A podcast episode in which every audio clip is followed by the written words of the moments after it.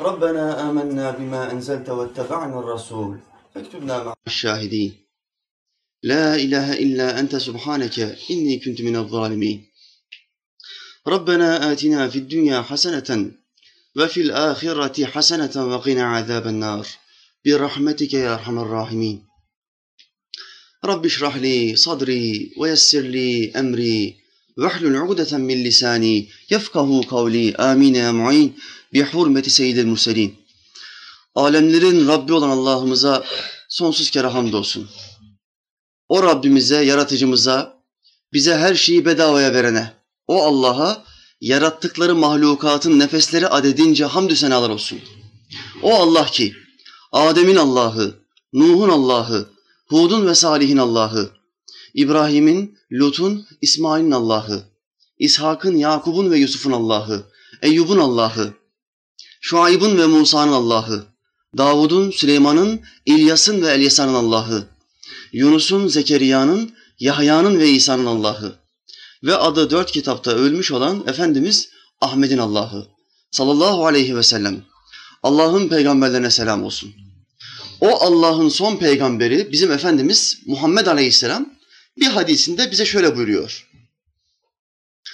Unutulan bir sünnetimi ihya edene yüz şehit sevabı verilir. Unutulan bir sünnetim. Bunu ihya edene, ihya etme ne demek? Diriltmek, canlandırmak, unutulanı hatırlatmak. İhya bu hadiste bu manaya gelir. Unutulan bir sünnetimi ihya edene yüz şehit sevabı verilir. Efendimiz Aleyhisselam geleceğe dair Allah Teala'nın kendisine vermiş olduğu bilgilerden biri olan geleceğe dair bazı meselelerde tespitler ortaya koymuştur. Kıyamet alametleri bunların en önemlileridir. Kıyamete yakın zamanda gerçekleşecek olayları bilmesi, ta 1400 küsur sene önceden bize haber vermesi en büyük mucizelerindendir. Bunlara gaybi mucizeler denir.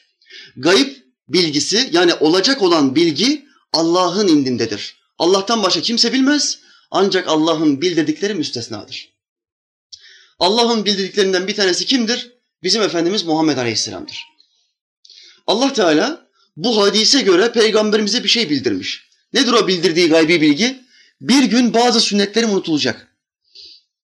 Bir zaman gelecek, benim şu anda ashabımın her halimi, her hareketimi kopya etmesi gibi beni kopya etmeyenler, kafalarına göre yaşayanlar çoğalacak. Bu sünnetlerim unutulacak. Bu sünnetlerimin unutulduğu bir dönemde her kim unutulmuş olan tek bir sünnetimi ihya ederse, canlandırırsa, insanlara hatırlatırsa ona yüz şehit sevabı vardır. Buyuruyor Allah'ın Peygamberi Aleyhisselam. Sünnet ne demek? Hadisi parça parça böyle açıklamaya çalışayım. Allah bana yardım etsin. Sünnet nedir? Sünnet. Sünnet Efendimiz Aleyhisselam'ın yaşamı boyunca insanların gördüğü tatbikatı, halleri, fiilleri, adeti. Dedemizin adetidir deriz. Babamızdan gördüğümüz bir şey vardır. Her gün sabahleyin üç tane çay içmeden evden çıkmaz. Babamın adeti böyleydi deriz. Dedemizin adeti nedir? Öğlenleyin köfteciye girip köfte yemeden işine gitmez. Dedemizin adeti böyle deriz. Ama peygamberimiz buna benzer ritüeller yaptığı zaman buna adet demeyiz. Ne deriz? Sünnet. Peygamberimiz Aleyhisselam'ın sünneti budur. Hep böyle yapardı. Hep öyle yaptığı bir şeyi sahabe ne yapardı? Taklit ederdi. Kayıtlar alırlardı. Bu Efendimiz Aleyhisselam'ın sünneti. İkindi namazına ben baktım. Hep ikindi namazının ilk sünneti olarak dört rekat kılardı. Demek ki farz edilmediğine göre bu Peygamberimiz Aleyhisselam'ın sünneti diye kayıtlara geçerlerdi. Sünnet budur. Efendimiz Aleyhisselam'ın bazı meselelerde susması, bazen konuşması, bazen gülmesi, bazen gülüşündeki bir hali. Mesela hadis alimlerimiz peygamberimizin gülmesini nasıl tarif ederler? Allah Resulü Aleyhisselam güldüğünde ön dişleri görünürdü. Kahkaha atarak gülmezdi. Tebessüm ederdi. Bu onun sünnetiydi. Tebessüm etmek Efendimiz Aleyhisselam'ın bir sünnetiydi. Hadisin başında ne diyor? Unutulmuş olan bir sünnetimi ihya edene, hatırlatana, bildirene, öğretene yüz şehit sevabı vardır. Efendiler, yüz şehit sevabı ne kadardır? Bunu bir mikyasa koyabilir miyiz? Tartıya koyabilir miyiz? Be beyin fırtınası yapalım. Burada şu anda 100 tane genç adam var. Bu 100 tane genç adamın hiçbir tanesi peygamber olamayacak. Bu kesin bilgidir. İstediğiniz kadar namaz kılın. istediğiniz kadar çalışın. Yemeği terk edin. işi terk edin. Aranızdan hiç kimse size sohbet eden bu derviş de dahil peygamberlik makamına geçme ihtimali yok. Neden yok? Çünkü Allah Teala Kur'an'da Hatemül Enbiya dedi. Bu peygamberimin sonuncusudur. Bu kim? Muhammed Aleyhisselam'dır. Ondan sonra bir peygamber gelmeyeceği kesin mi değil mi? Kesindir. Ben peygamberlerin son halkasıyım hadisi de bunun bir delilidir. O halkadan sonra başka peygamber gelmeyecektir. Dolayısıyla aramızdan herhangi birisi şunu deme hakkına sahip mi? Ben çalışacağım, çalışacağım, çabalayacağım, ben de peygamber olacağım hocam. Böyle bir hakkımız var mı? Yok. Tam tersi. Bir adam çıksa günümüzde dese ki ben peygamberim, ben peygamber oldum, Allah Teala bana peygamberlik nimetini, görevini verdi dese ne olur? Kafir olur. Allah'ın açık ayetini reddetmiş olur. Allah'ımızın bir ayetini reddetmekle bütün ayetleri reddetmek arasında hiçbir fark yoktur. İkisine de Kur'an kafir der. Dolayısıyla hiçbir çalışmayla hiçbirimiz peygamber olamayız. Ama ne olabiliriz? Şehit olabiliriz. Şehit. Peygamberlikten sonraki en üstün rütbeyi Peygamberimiz Aleyhisselam hadislerinde ne diye açıklıyor? Şehitliktir. Şefaatle alakalı hadislerinde ne buyuruyor? Üç zümreden bahsediyor. Şu üç zümre şefaat edecektir. Bir, peygamberler. İki, alimler. Üç, şehitler. Dikkat buyurun. Günümüzde şefaat diye bir şey yoktur deyip küfre giren, kafir olan sapık hocalar çoğaldı. Bunların sayısı bayağı bir arttı. Onlarca sahih hadisi inkar eden sapık hocalar arttı. Ayetlerdeki şefaat bahislerini inkar eden sapıklar arttı. Allah'ın Resulü Aleyhisselam üç zümreden bahsediyor. Çalışmayla bizim gelebileceğimiz iki zümre var. Nebiler zümresine asla gelemeyiz. Bir, alim olabiliriz. Allah Teala cezbederse, çekim yaparsa veli de olabiliriz. Alimin bir üstü velidir. İki, şehit olabiliriz. Yani vatanını korumak uğrunda, bayrağını korumak uğrunda, dinini korumak uğrunda savaşıp ölene ne denir? Şehit denir. Peygamberlikten sonraki en üstün iki rütbe velilik, alimlik ve şehitliktir. Bu iki rütbe vardır. Dikkat buyurun hadiste Efendimiz Aleyhisselam bir şehit sevabı verilir buyurmuyor. Yüz şehit sevabı verilir buyuruyor. Bir tek sünnetimizi ihya edene. Şimdi varın bunu bir kıyasa koyun. Nasıl bir kıyasa koyacaksınız? Yapacağımız nedir hocam? Yani bize unutulmuş olan birkaç sünneti söyle. Biz onu yapalım ki bu şehit sevabını elde edelim. Yüz şehit sevabından bahsediyorsun. Bir soru soralım kendimize. Efendimiz Aleyhisselam'ın en önemli sünneti hangisiydi? Unutulmuş olan, terk edilmiş olan, bırakılmış olan en önemli sünneti hangisiydi? Birisi hapşırdıktan sonra yarhamukallah demek mi acaba? Evet unutuldu bu sünnet. Birçok insan etrafımızda hapşırıyor ve diğerleri şöyle diyor, çok yaşa. İslam'da böyle bir şey var mı? Yok. İslam'da ne var? Hapşıran kişi der ki elhamdülillah. Allah'ım sana hamdolsun. Bir saniyeliğe olsun benim kalbimi durdurdun. Hapşırdıktan sonra beynimdeki üşükleri çıkarttıktan sonra o bir saniye durmuş olan kalbim tekrar atmaya başladı. Bana canımı tekrar iade ettin ya Rabbi. Elhamdülillah sana hamdolsun der. Sünnete tabi olan Müslüman. Zamanımızda çok unutulmuş bir sünnettir. Peşinden gelen sünnet nedir? Onu işiten herhangi bir Müslümanın yerhamukallah, Allah sana rahmet etsin kardeşim demesidir. Bu da unutulmuştur. Neden unutuldu? Çünkü hapşıran elhamdülillah demiyor ki. Hapşıran diyor ki şifayı kaptık. Hapşıranın Allah'a hamd etmesi lazım. Bedenindeki hastalıklar, virüsler, mikroplar bir hapşırıkla beraber dışarıya çıkıyor. Dışarıya çıktıktan sonra kalbinin bir anlık durmasından sonra bu adam diyor ki elhamdülillah bunu demen gerekiyor ama sen bu sünneti unuttun. Unuttun. Bu sünneti herhangi bir Müslüman etrafında yaymaya çalıştığında ya nereden duyuyorsun böyle şeyleri ya? Nereden buluyorsun böyle? Böyle bir şey yok. Bütün Avrupa diyor ki çok yaşa. Diye aşağılanıyor. Müslüman peygamberinin yaptığı bir olayı lanse ettiği zaman, açıkladığı zaman aşağılanıyor. Neden? Bunun sebebi nedir? Kopulmuş, kopartılmış. Müslüman peygamberinden kopartılmış. Bir adam peygamberinden kopartıldığı zaman İslam'la arasında bir bağ kalmamış demektir. Kur'an yetmez mi hocam? Yetmez. Kur'an yetseydi Allah peygambersiz gönderirdi Kur'an'ı. Ama Allah'ın adeti bu değil. Her kavme bir peygamber gönderdik diyor. Her kavme bir kitap gönderdik demiyor. Dikkat buyurun. Biz her kavme bir peygamber gönderdik. Peygamber göndermediğimiz kavme azap etmedik. Bunlar hep ayettir. Her kavme kitap göndermedi ama her kavme peygamber gönderdi. Neden? Çünkü o da bir insan. İnsanlara insan hitap etmelidir. Onun gibi yiyen, içen, yatan, dinlenen, uyuyan, evlenen ve çocuk sahibi olan bir insan hitap etmelidir. Eğer insana bir melek hitap etseydi insan derdi ki ya bu melek. Bunun yemesi yok, içmesi yok, çalışmaya ihtiyacı yok. Hanımlara karşı şehveti yok. Bu adam bana İslam'ı niye anlatıyor ki? Bu melek. Benim gibi birisi olsaydı onun sözünü dinlerdim der, itiraz eder. İtiraz etmemesi için Allah Teala bir insan gönderdi peygamberleri. İnsan ırkından gönderdi. Dolayısıyla kitaplar çok önemlidir. Ama bizim muhatap alan peygamberlerdir. Kitaplar cansızdır, konuşmazlar. Peygamberler konuşur. Dolayısıyla bir Müslümanın hayatından peygamberi çıkarttığınız adam, zaman o adamın dinle bağlantısı kopmuş demektir. Bu önemli bir sünnet miydi? Evet önemli bir sünnetti. Unuttuk. Ama daha önemli bir sünnet var. Hangisi hocam? Tırnakları keserken şehadet parmağından başlamak mı hocam? Bak bu da unutulmuş bir sünnet. Müslümanların çoğu tırnağı keserken ne yapar? Adeti üzere kolayına geldiği gibi yapar. Karışık. Ya soldan başlar. Sağ elle solu kesmek daha kolaydır. Çünkü insanların onda dokuzu sağlaktır. Onda biri solaktır. Sağ ile başlar, soldan kesmeye başlar. Böyle yok. Efendimiz Aleyhisselam böyle yapmadı. Peygamberimizin sünnetinde ilk olarak şehadet parmağıdır. Yani güncel deyimle işaret parmağı. Sol elle kesmeye başlardı ve işaret parmağından kesmeye başlardı. Ondan sonra onun sağına doğru devam eder. 360 derece daire çizer. Yani işaret parmağının sağında ne var? Orta parmak. Yüzük parmağı, serçe parmağı. Sonra diğer serçe, yüzük, orta, şehadet.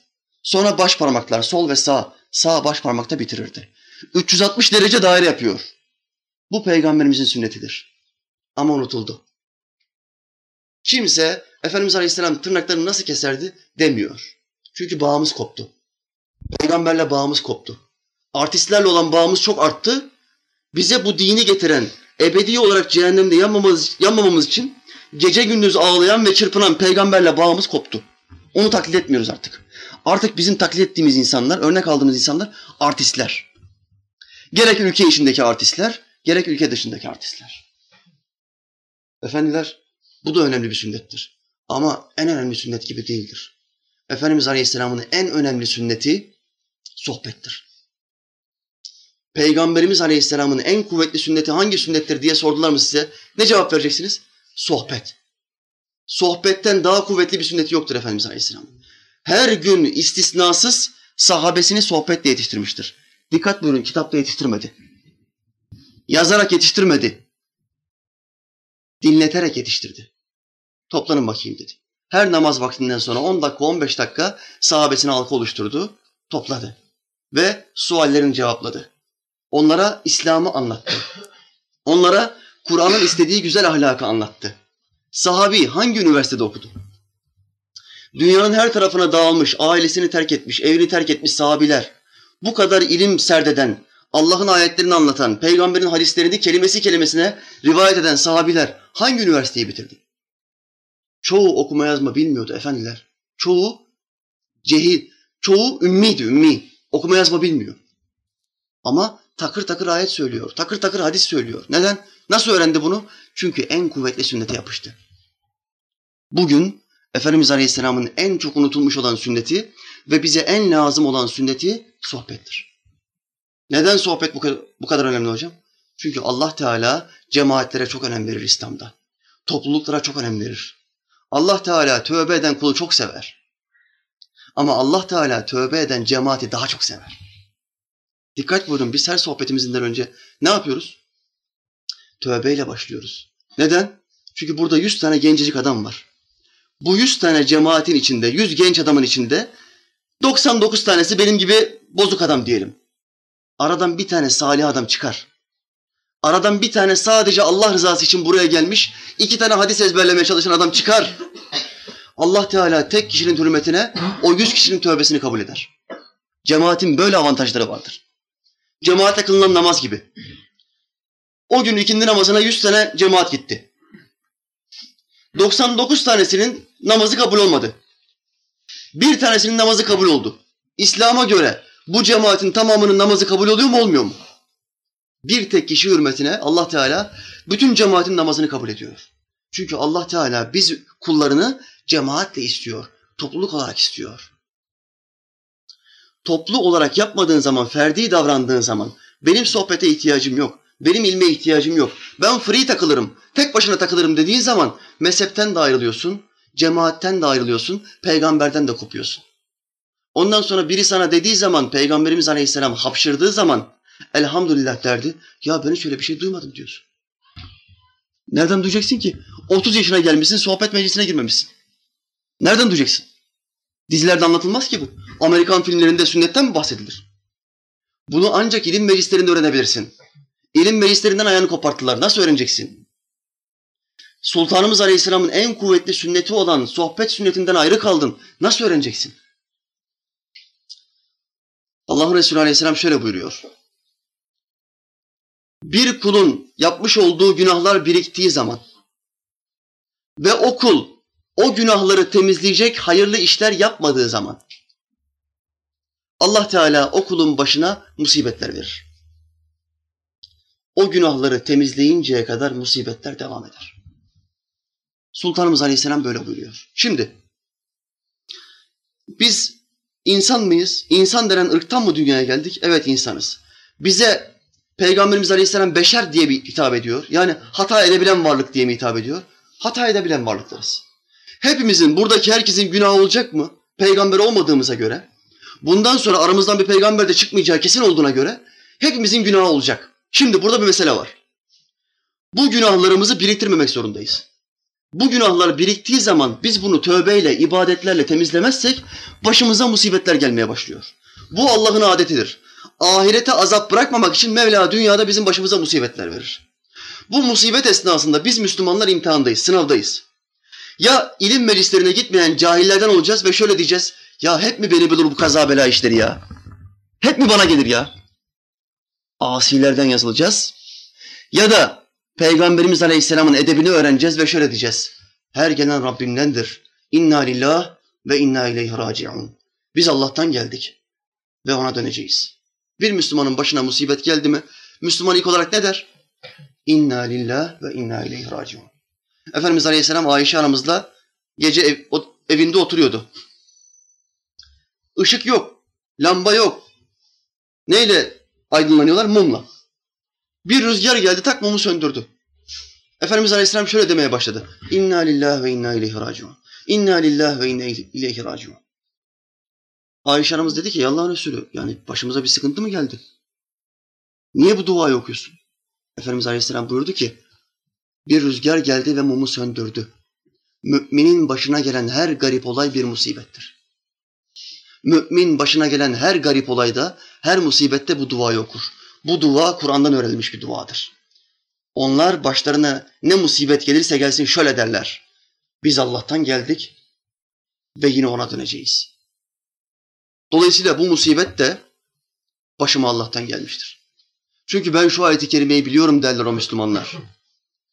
Bir yaprak tanesi bile Allah'ın bilgisi olmadan düşmez. Tek bir yaprak tanesi bile. Allah'ın ilminin dışında hareket etmez, düşmez. Müslüman bunu bilir. Bir yaprak bile düşmüyorken yapraktan çok daha değerli olan insanın başına musibet geldi mi? Havadan mı gelecek? Allah'ın bilgisi dışından mı gelecek? Muhakkak onu, onu bize Allah vermiştir. Muhakkak. Ayet-i kerimede Mevlamız şöyle buyuruyor. Başınıza bir hayır geldiğinde onun sonucunda şer vardır. Başınıza bir şer geldiğinde onun sonucunda hayır vardır. Siz bilemezsiniz, Allah bilir. Çok güzel bir kazanç yaptın o sene. Süper bir araba aldın. 100 bin liralık bir BMW. Atladın arabaya. Arkadaşlarına gelin dedin ıslatalım. Keyif yapıyorsun. Dur bakalım kadran kaçı gösteriyor? 240, 250. Çık çık motor açmamız lazım çık. Arkadaşlar boyuna gaz vermeye başladı. Şeytanlar arabanın içine doluştu. Dört arkadaşken şeytanlarla beraber on dört oldunuz. Bastın bastın bastın. Frene asıldın tutturamadın. Direğe bindirdin. Şeytanlar sana galip geldi. Direğe bindirdin. Yüz binlik araba gitti ve bacakların da koptu. Başınıza gelen bir hayırda sonucunda şer vardır. Siz bilemezsiniz.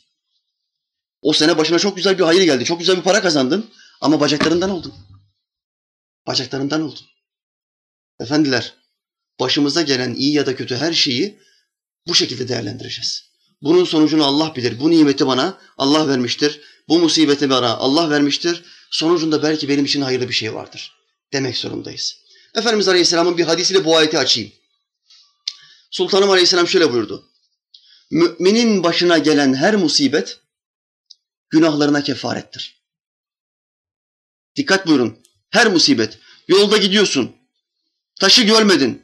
Sağa sola bakarken taşı görmedin, ayağın takıldı ve düştün. Bunun adı nedir İslam'da? Musibet. Başına bir sıkıntı geldi. Anormal bir şey geldi. Bunun adına musibet denir. Ama Efendimiz Aleyhisselam şöyle buyuruyor. Bu müminin başına geldi mi günahlarına kefarettir. Bir tek şart var. Bir tek şart. Ağzını bozmayacaksın. O anda şöyle dedim mi ya Allah seni kahretsin be. Nereden çıktın karşıma ey taş? Bozdun ağzını. Sen günahlarının temizlenmesi nimetini kaçırdın. Çünkü sen şükredenlerden yazılmadın. İmtihanı kaybettin. Tek bir hareketle, tek bir lafla imtihanı kaybettin. Mevlana'mız bu musibetleri şöyle anlatıyor. Ayetten geldik, hadisle açtık, bir de velinin kelamı kibariyle açalım. Mevlana şöyle diyor. Bir kilimi dövenin derdi, o kilime acı çektirmek değildir. Kilim bildiğiniz halı. Bazen hanımlarımız alır, balkonun yarısına halıyı asarlar ve ellerine bir sopa alırlar, döverler. Neden? Tozu çıkartmak için. Bir kilimi dövenin derdi o kilime eza vermek değildir. Acı çektirmek değildir. Kilimdeki tozu almaktır. Mevlana'daki tespite bak. Allah Teala da kuluna bir acı, bir eza verdiği zaman bunu işkence yapmak için vermez. Ondaki günah tozlarını almak için verir. Bir Müslüman başına gelen sıkıntıların tamamına bu bakışla bakmazsa asilerden olma ihtimali yüksektir. Hele ki ilmi yoksa, Sultanımız Aleyhisselam'ın en kuvvetli sünneti olan sohbet sünnetinden ayrıysa, bu adamın durumu tehlikelidir. Her an küfredebilir. Günümüzde en büyük küfür edenler kadere küfredenlerdir. Kadere sallarlar. Allah'a sallayamaz çünkü çarpılacağını düşünür. Neye sallar? En kolayı kadere sallamaktır. Şarkıcılardan da boyuna işitir. Ah bu felek, zalim felek, kahpe kader, bilmem ne kader, haşa ve kella. Şarkıcılar böyle söylüyorsa ben de küfredebilirim der ve kadere küfreder. Ama Allah Allah'ımız kutsi hadiste şöyle buyurur. Kadere küfreden bana küfretmiştir. Neden? Bu kader kendi kendine yazılmadı. Bu kaderi Allah'ımız yazdı. Hepimizin kaderi Allah'ımızın yazdığıdır. Biz Rabbimizin yazdığına talibiz. Aramızdan hiçbir tanesi kadın mı erkek mi olacağını seçmedi. Allah bizim erkek mi kadın mı olacağımızı takdir etti. Ama aramızdaki herkes namaz kılıp kılmayacağını seçebilir. Allah Teala Kur'an'da bu namaz emrini verdi mi? Verdi. Sohbet sünnetinde daim olmadığın için sen bu emirden uzaksın. Kimse sana hatırlatmıyor. Daha kötüsü hatırlatan insanlarla beraber olmak istemiyorsun. Seni namazdan uzaklaştıran adamlarla beraber olmak istiyorsun. Ama bunlar hayırlı arkadaşlar değildir. Hayırlı arkadaş odur ki sana namazı hatırlata. Sana ibadeti hatırlata. Sen küfür ettiğin zaman, öfkelendiğin zaman, şehvetlendiğin zaman seni Allah'ın istemediği meselelerden uzaklaştıra. Hayırlı arkadaş budur. Diğerlerin tamamı şeytani arkadaştır. Dolayısıyla bütün bu bilgilerin tamamını sohbet sünnetinden öğreniriz. Sohbet sünneti. Sahabenin metodunda ne vardı? Hadis ilmi bize nasıl gelmiştir mesela? Hadis ilminde sahabenin kayıt vardır, kayıt özelliği vardır.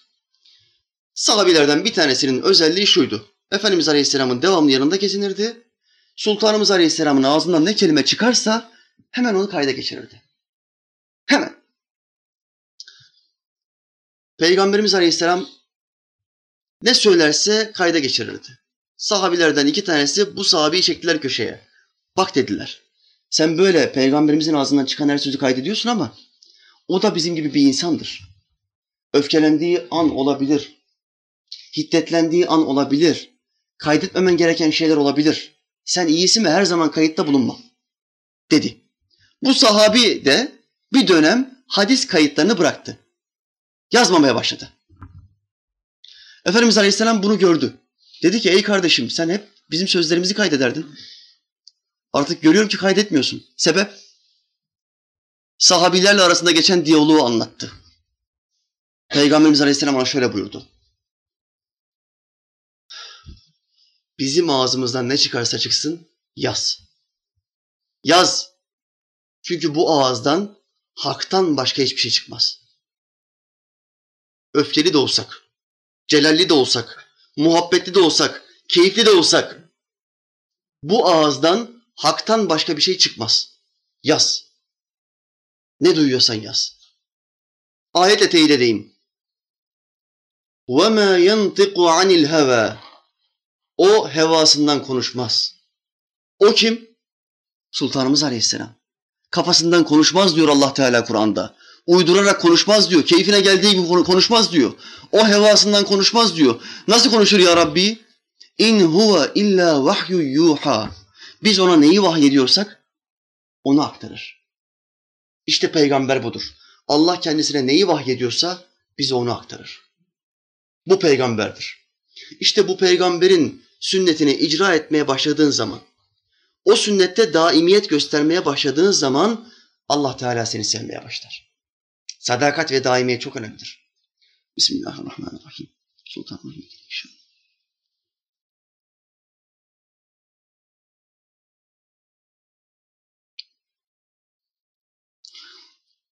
Bu sünnette bulunmadığın zaman bireysel davranırsın. İndi davranırsın. Kafana göre hüküm verirsin. Keyfi davranırsın. Cemaatten ayrılanı kurt kapar. Bu velilerin sözüdür. Hadisle teyit edeyim. Efendimiz Aleyhisselam şöyle buyurdu. Muhakkak şeytan insanın kurdudur. Bak bak. Temsil getiriyor. Şeytan insanın kurdudur. Tıpkı bir sürüden ayrı gezen, kurda tasallut eden ve onu kapıp yiyen davar kurdu gibi. O koyuna tasallut eden bir kurt gibi. İnsan da cemaatten ayrıldığı zaman kurtlar onu kapar. Kapar. Ondan sonra başlar der ki benim mezhebe ihtiyacım yok. Benim bir cemaate ihtiyacım yok. E ilim lazım, ilme de ihtiyacım yok. Kur'an var önümde. Açarım meali okurum. Oradan istediğim gibi hüküm veririm. Free takılıyorum ben. İstediğim gibi amel ediyorum demeye başlar. Bu sapık bir zihniyettir. Bu bozuk bir zihniyettir. İslam'la bağdaşmayan bir zihniyettir. Böyle iş olur mu? Hafta sonu bir yere gittik akrabalarla. Yeşillik, ağaçlığın bol olduğu bir yer. Yolda giderken devamlı sağ tarafta işaretler var. Oklar gösteriyor böyle. İçkilidir, içkisizdir. İçkilidir, içkisizdir. Arabayla içeriye gireceksin, park edeceksin. Yeşilliğin üstünde oturacaksın, çay kahve içeceksin. Kahvaltı yapacaksın. Öyle yerler hayal edin. Ama her iş yerinde, her mekanın girişinde bir yazı yazıyor. İçkilidir, içkisizdir. İtikadı, dini kuvvetli olanlar içkisizdir bölmesine giriyor. Dini zayıf olanlar içkilidir yerine giriyor. Yalnız bir yerde bir yazı vardı. Dikkatimi çekti. Hızlı geçmeseydik fotoğraf çekecektim. Kopuk yaşayan, cemaatsiz yaşayan Müslümanı anlatıyor. Yazı şuydu. İçkilidir ve mescitlidir. Hem içkili hem mescitli. Ya bu nasıl iş? Yani bu adam hal lisanıyla şöyle demek istiyor. Ben münafığım. Sen yeter ki paranı getir bana bırak. Bende hem içki var hem mescit var. Ne yaparsan yap. Ben münafığım diyor. Böyle iş olur mu? Bu adam bu fetvayı nereden çıkartıyor? Çünkü kafasına göre dini uydurmuş. Kafasına göre. İçki içilen yerden Müslüman alışveriş yapmaz. Caiz değildir. Zorda kalmadıkça, başka gıda alabilecek başka bir dükkan bulamadıkça içki içilen yerden alışveriş yapması Müslümana caiz değildir. Ama bu adam diyor ki bende hem içki var hem mesit var. Yan tarafta adamlar içki içerken sen geç burada namazını kıl. Kimse sana karışmaz diyor. Böyle fetva olur mu? Böyle iş olur mu? Cemaatten kopuk oldun mu sapıtırsın. Yanlış işler yaparsın. Efendimiz Aleyhisselam şöyle buyuruyor. Cemaatle alakalı. İki kişi bir kişiden hayırlıdır. Üç kişi iki kişiden hayırlıdır. Dört kişi üç kişiden hayırlıdır. Şu halde cemaat olun. Ayrılığa düşmeyin. Allah'ın yardım eli cemaatin üzerindedir.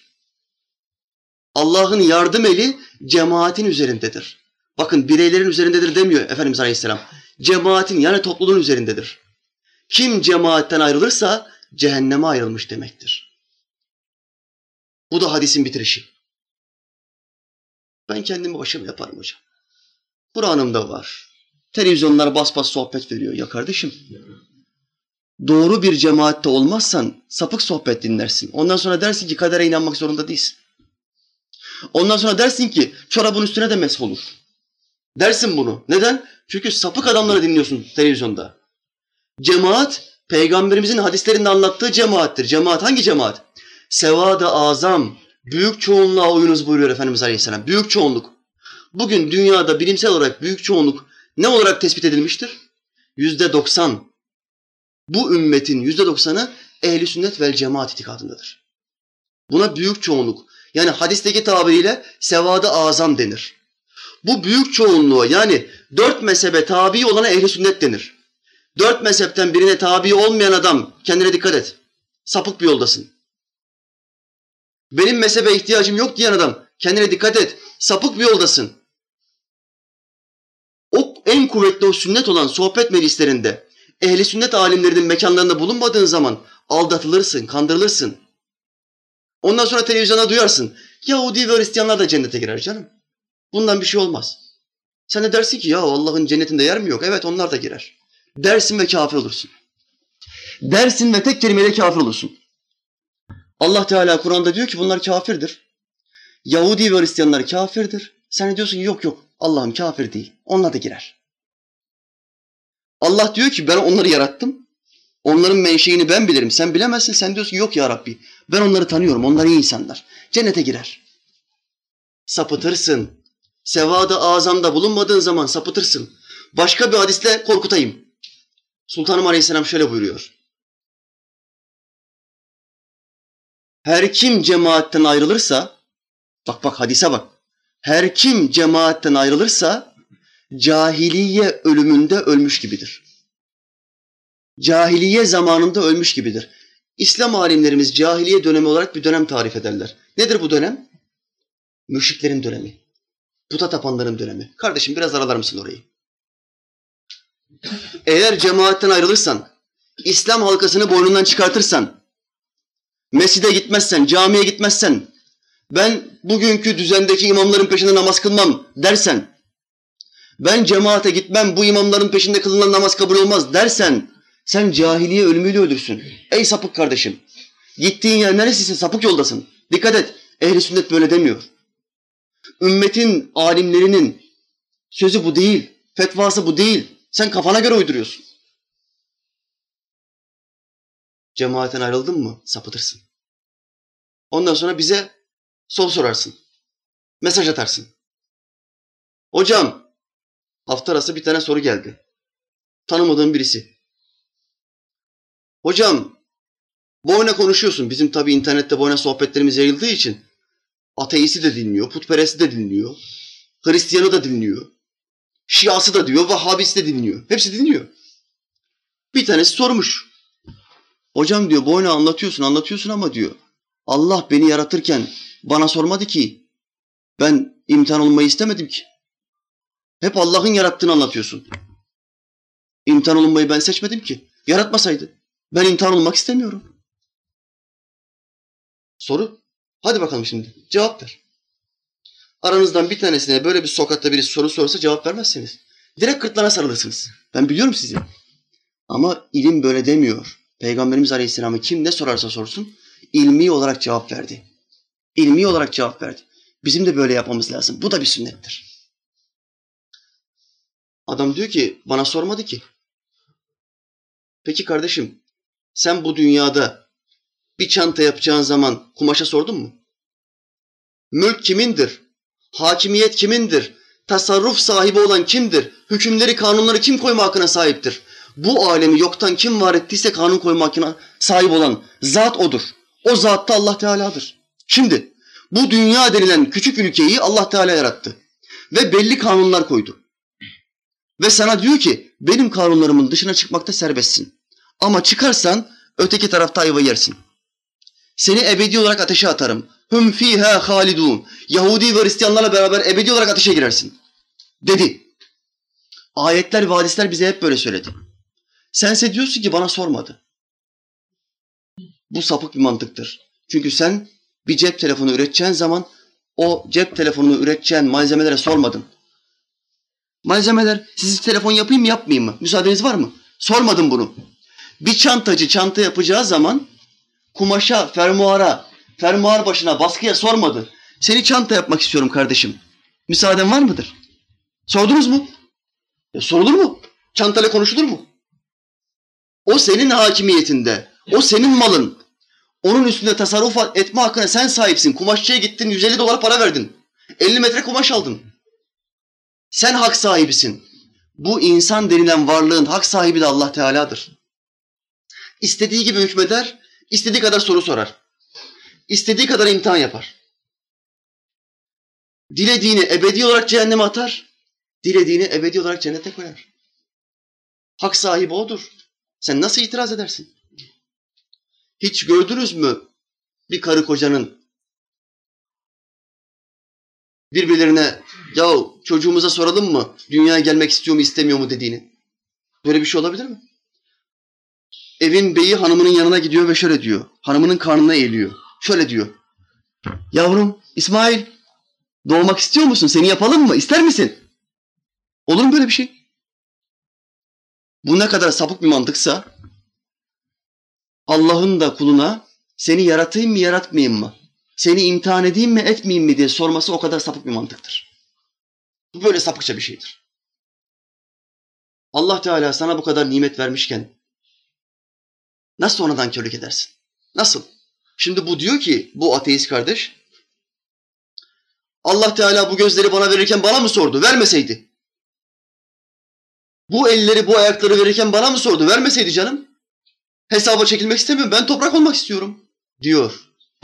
Bu neye benziyor? Günümüzde vali olan bir insan, adam okumuş, çalışmış, etmiş, rütbe üstüne rütbe almış, vali olmuş.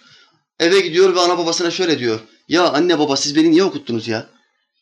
Başımda bin tane mesele çıktı, bir sürü derdim var. Bu rütbeye gelmek istemedim ben. Niye beni vali yaptınız? Boş gezinin boş kalfası olmak istiyordum ben. Rahat, huzurlu, free takılan bir adam olmak istiyordum. Niye bana bu rütbeyi ver dediniz? Beni niye okuttunuz ana? Demesi kadar saçma bir şey.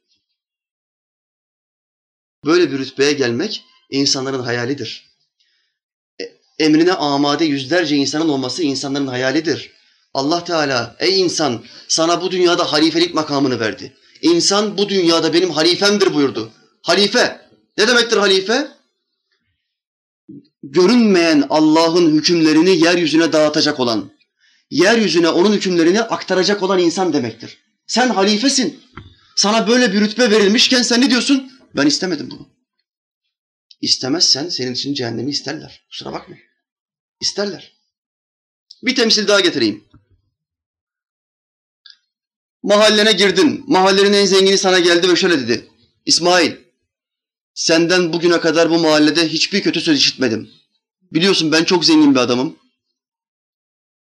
Sana bir tapu yaptım. Sana bir dükkan aldım. Bir yalı aldım sahile nazır. Bir dükkan aldım kapalı çarşı içinde. Bir de Ferrari araba aldım. Bunların üçün üstüne yaptım. Bunlar benim sana hediyemdir. Dese. Bu adam size iyilik mi yapmıştır, kötülük mü yapmıştır? İyilik yapmıştır. Adam sana dünyaca sermaye veriyor ya. Bedavaya sana dükkan veriyor, yalı veriyor ve son model bir araba veriyor.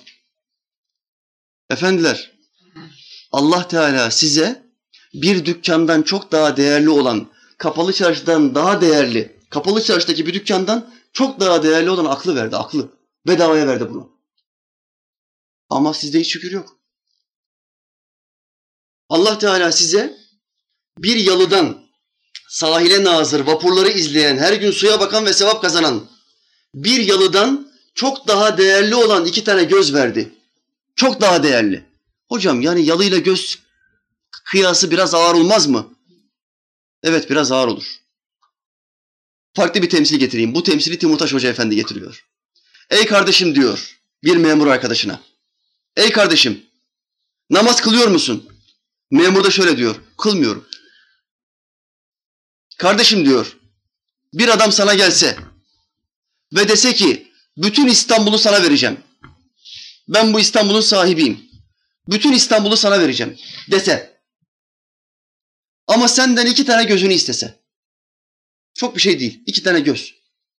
Kabul eder misin etmez misin? Adam diyor ki kabul etmem.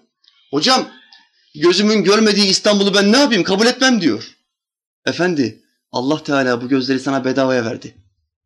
Ama bir gün olsun bir tek şükür secdesi yapmadın. Alnın Allah için secdeye gitmedi bir kere. Ya Rabbi bu gözlerim görüyor elhamdülillah. Mahallemdeki gözü görmeyen Musa gibi değilim çok şükür. Sen bu musibeti, bu imtihanı ona verdin, bana vermedin. Benim gözlerim cam gibi görüyor. Allah'ım sana hamdolsun diyemedin, aklına gelmedi. Aklına gelmedi. Şimdi ateisti aşağılıyorsun ama senin aklına gören gözlerin için bir kere şükür secdesi yapmak gelmedi. Sahile nazır bir yalı mı daha değerliymiş, senin gözlerin mi daha değerliymiş? Bitmedi. O adam sana bir Ferrari hediye etti. Ben sana desem ki, sana bir Ferrari vereceğim ama bacaklarını alacağım. Verir misin? Kabul eder misin?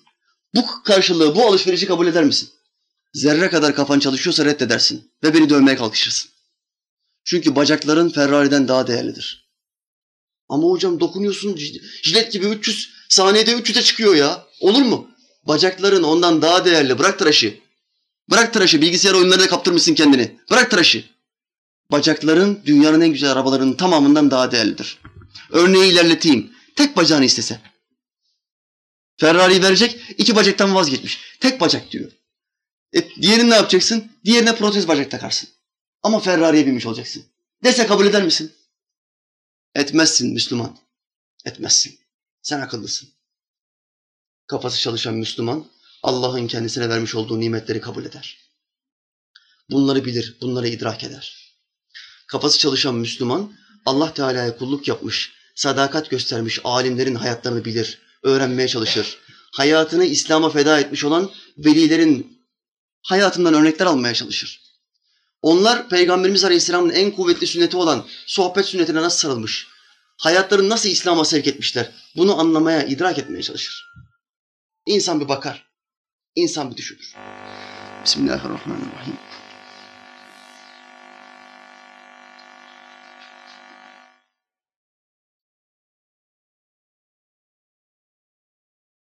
Velilerin en büyüklerinden birisi kimdir?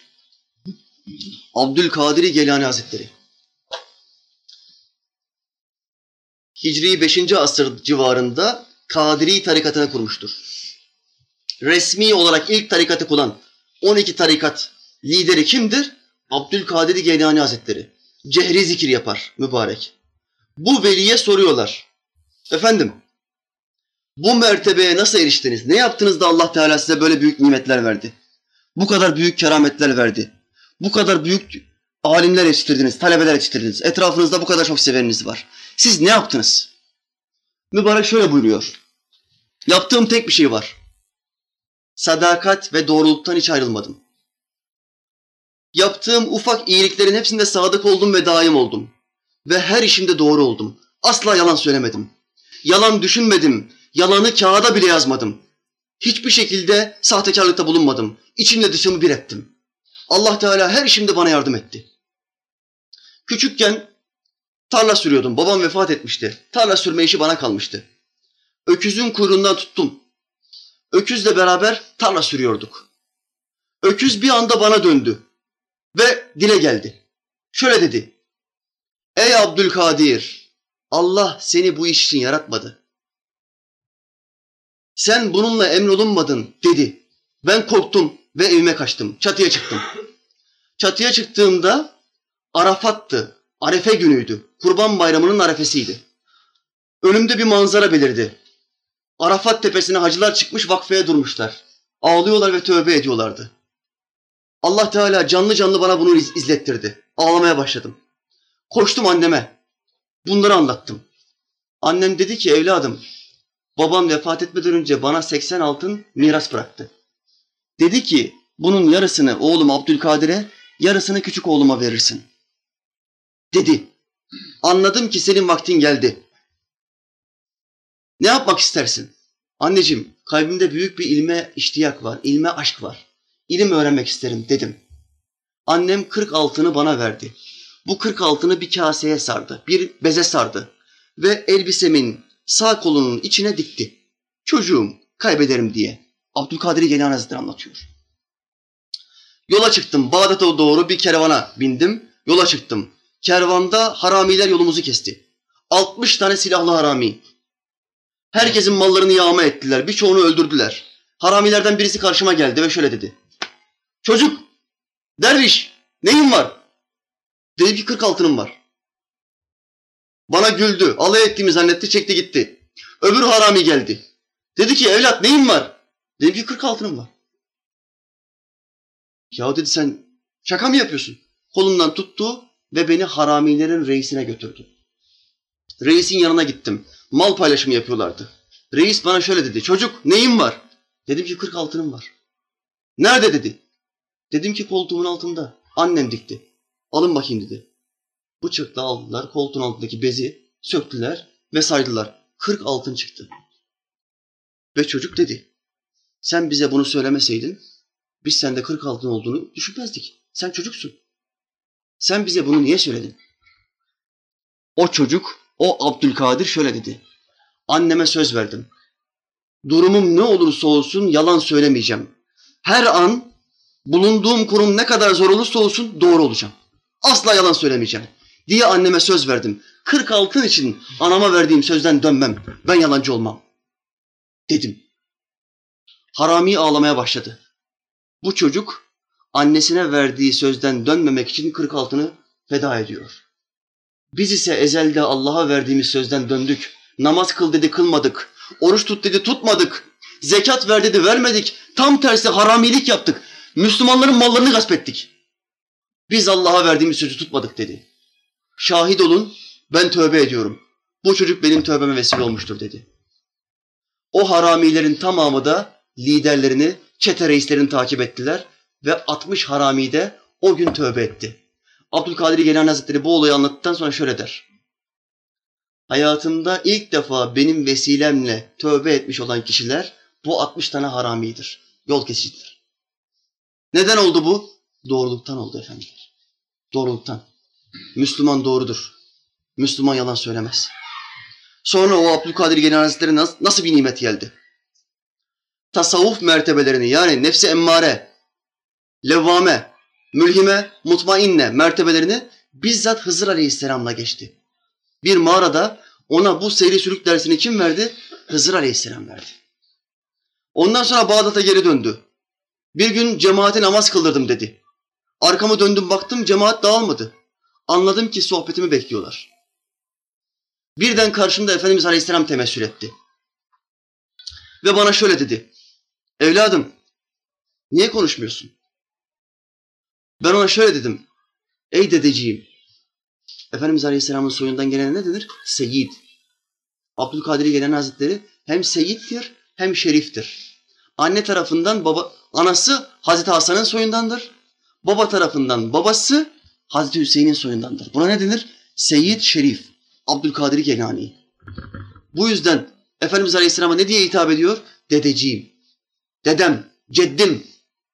Dedeciğim, Bağdat'ta bu kadar büyük alimler varken ben nasıl konuşurum? Utanırım. Konuş evladım dedi, konuş. Ben yine sustum. Sonra Hazreti Ali radıyallahu anh karşıma geldi, temessül etti. Bu peygamber öldü diyen sapıklar iyi anlasınlar bu meseleleri. Abdülkadir Geylani Hazretleri bizzat rivayet ediyor. Hazreti Ali Efendimiz karşısına geliyor. Ve şöyle diyor.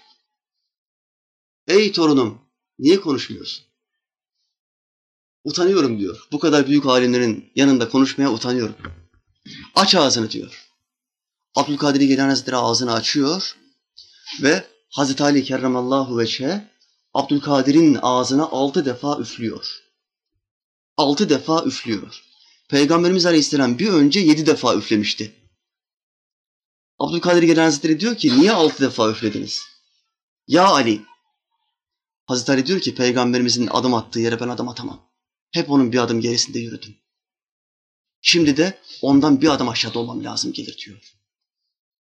Ve o Abdülkadir Geylani Hazretleri insan yetiştirmeye o gün yaptığı sohbetle başlıyor. Efendiler, Allah Teala da bize insan yetiştirmeyi nasip etsin inşallah. Allah Teala da bize mahallemizdeki evlerinin önünde çöplük olan insanlara nasıl çöp temizleneceğini öğretmeyi nasip etsin inşallah. Allah Teala bize bir Müslümana namaz kılmayı öğretmeyi nasip etsin inşallah. Amin. Amin. Allah'ımız bize bir Müslümana, bir cahil Müslümana Kur'an-ı Kerim okumasını öğretmeyi nasip etsin inşallah. Amin. Amin. Yusuf Aleyhisselam'ın duasını ettireyim.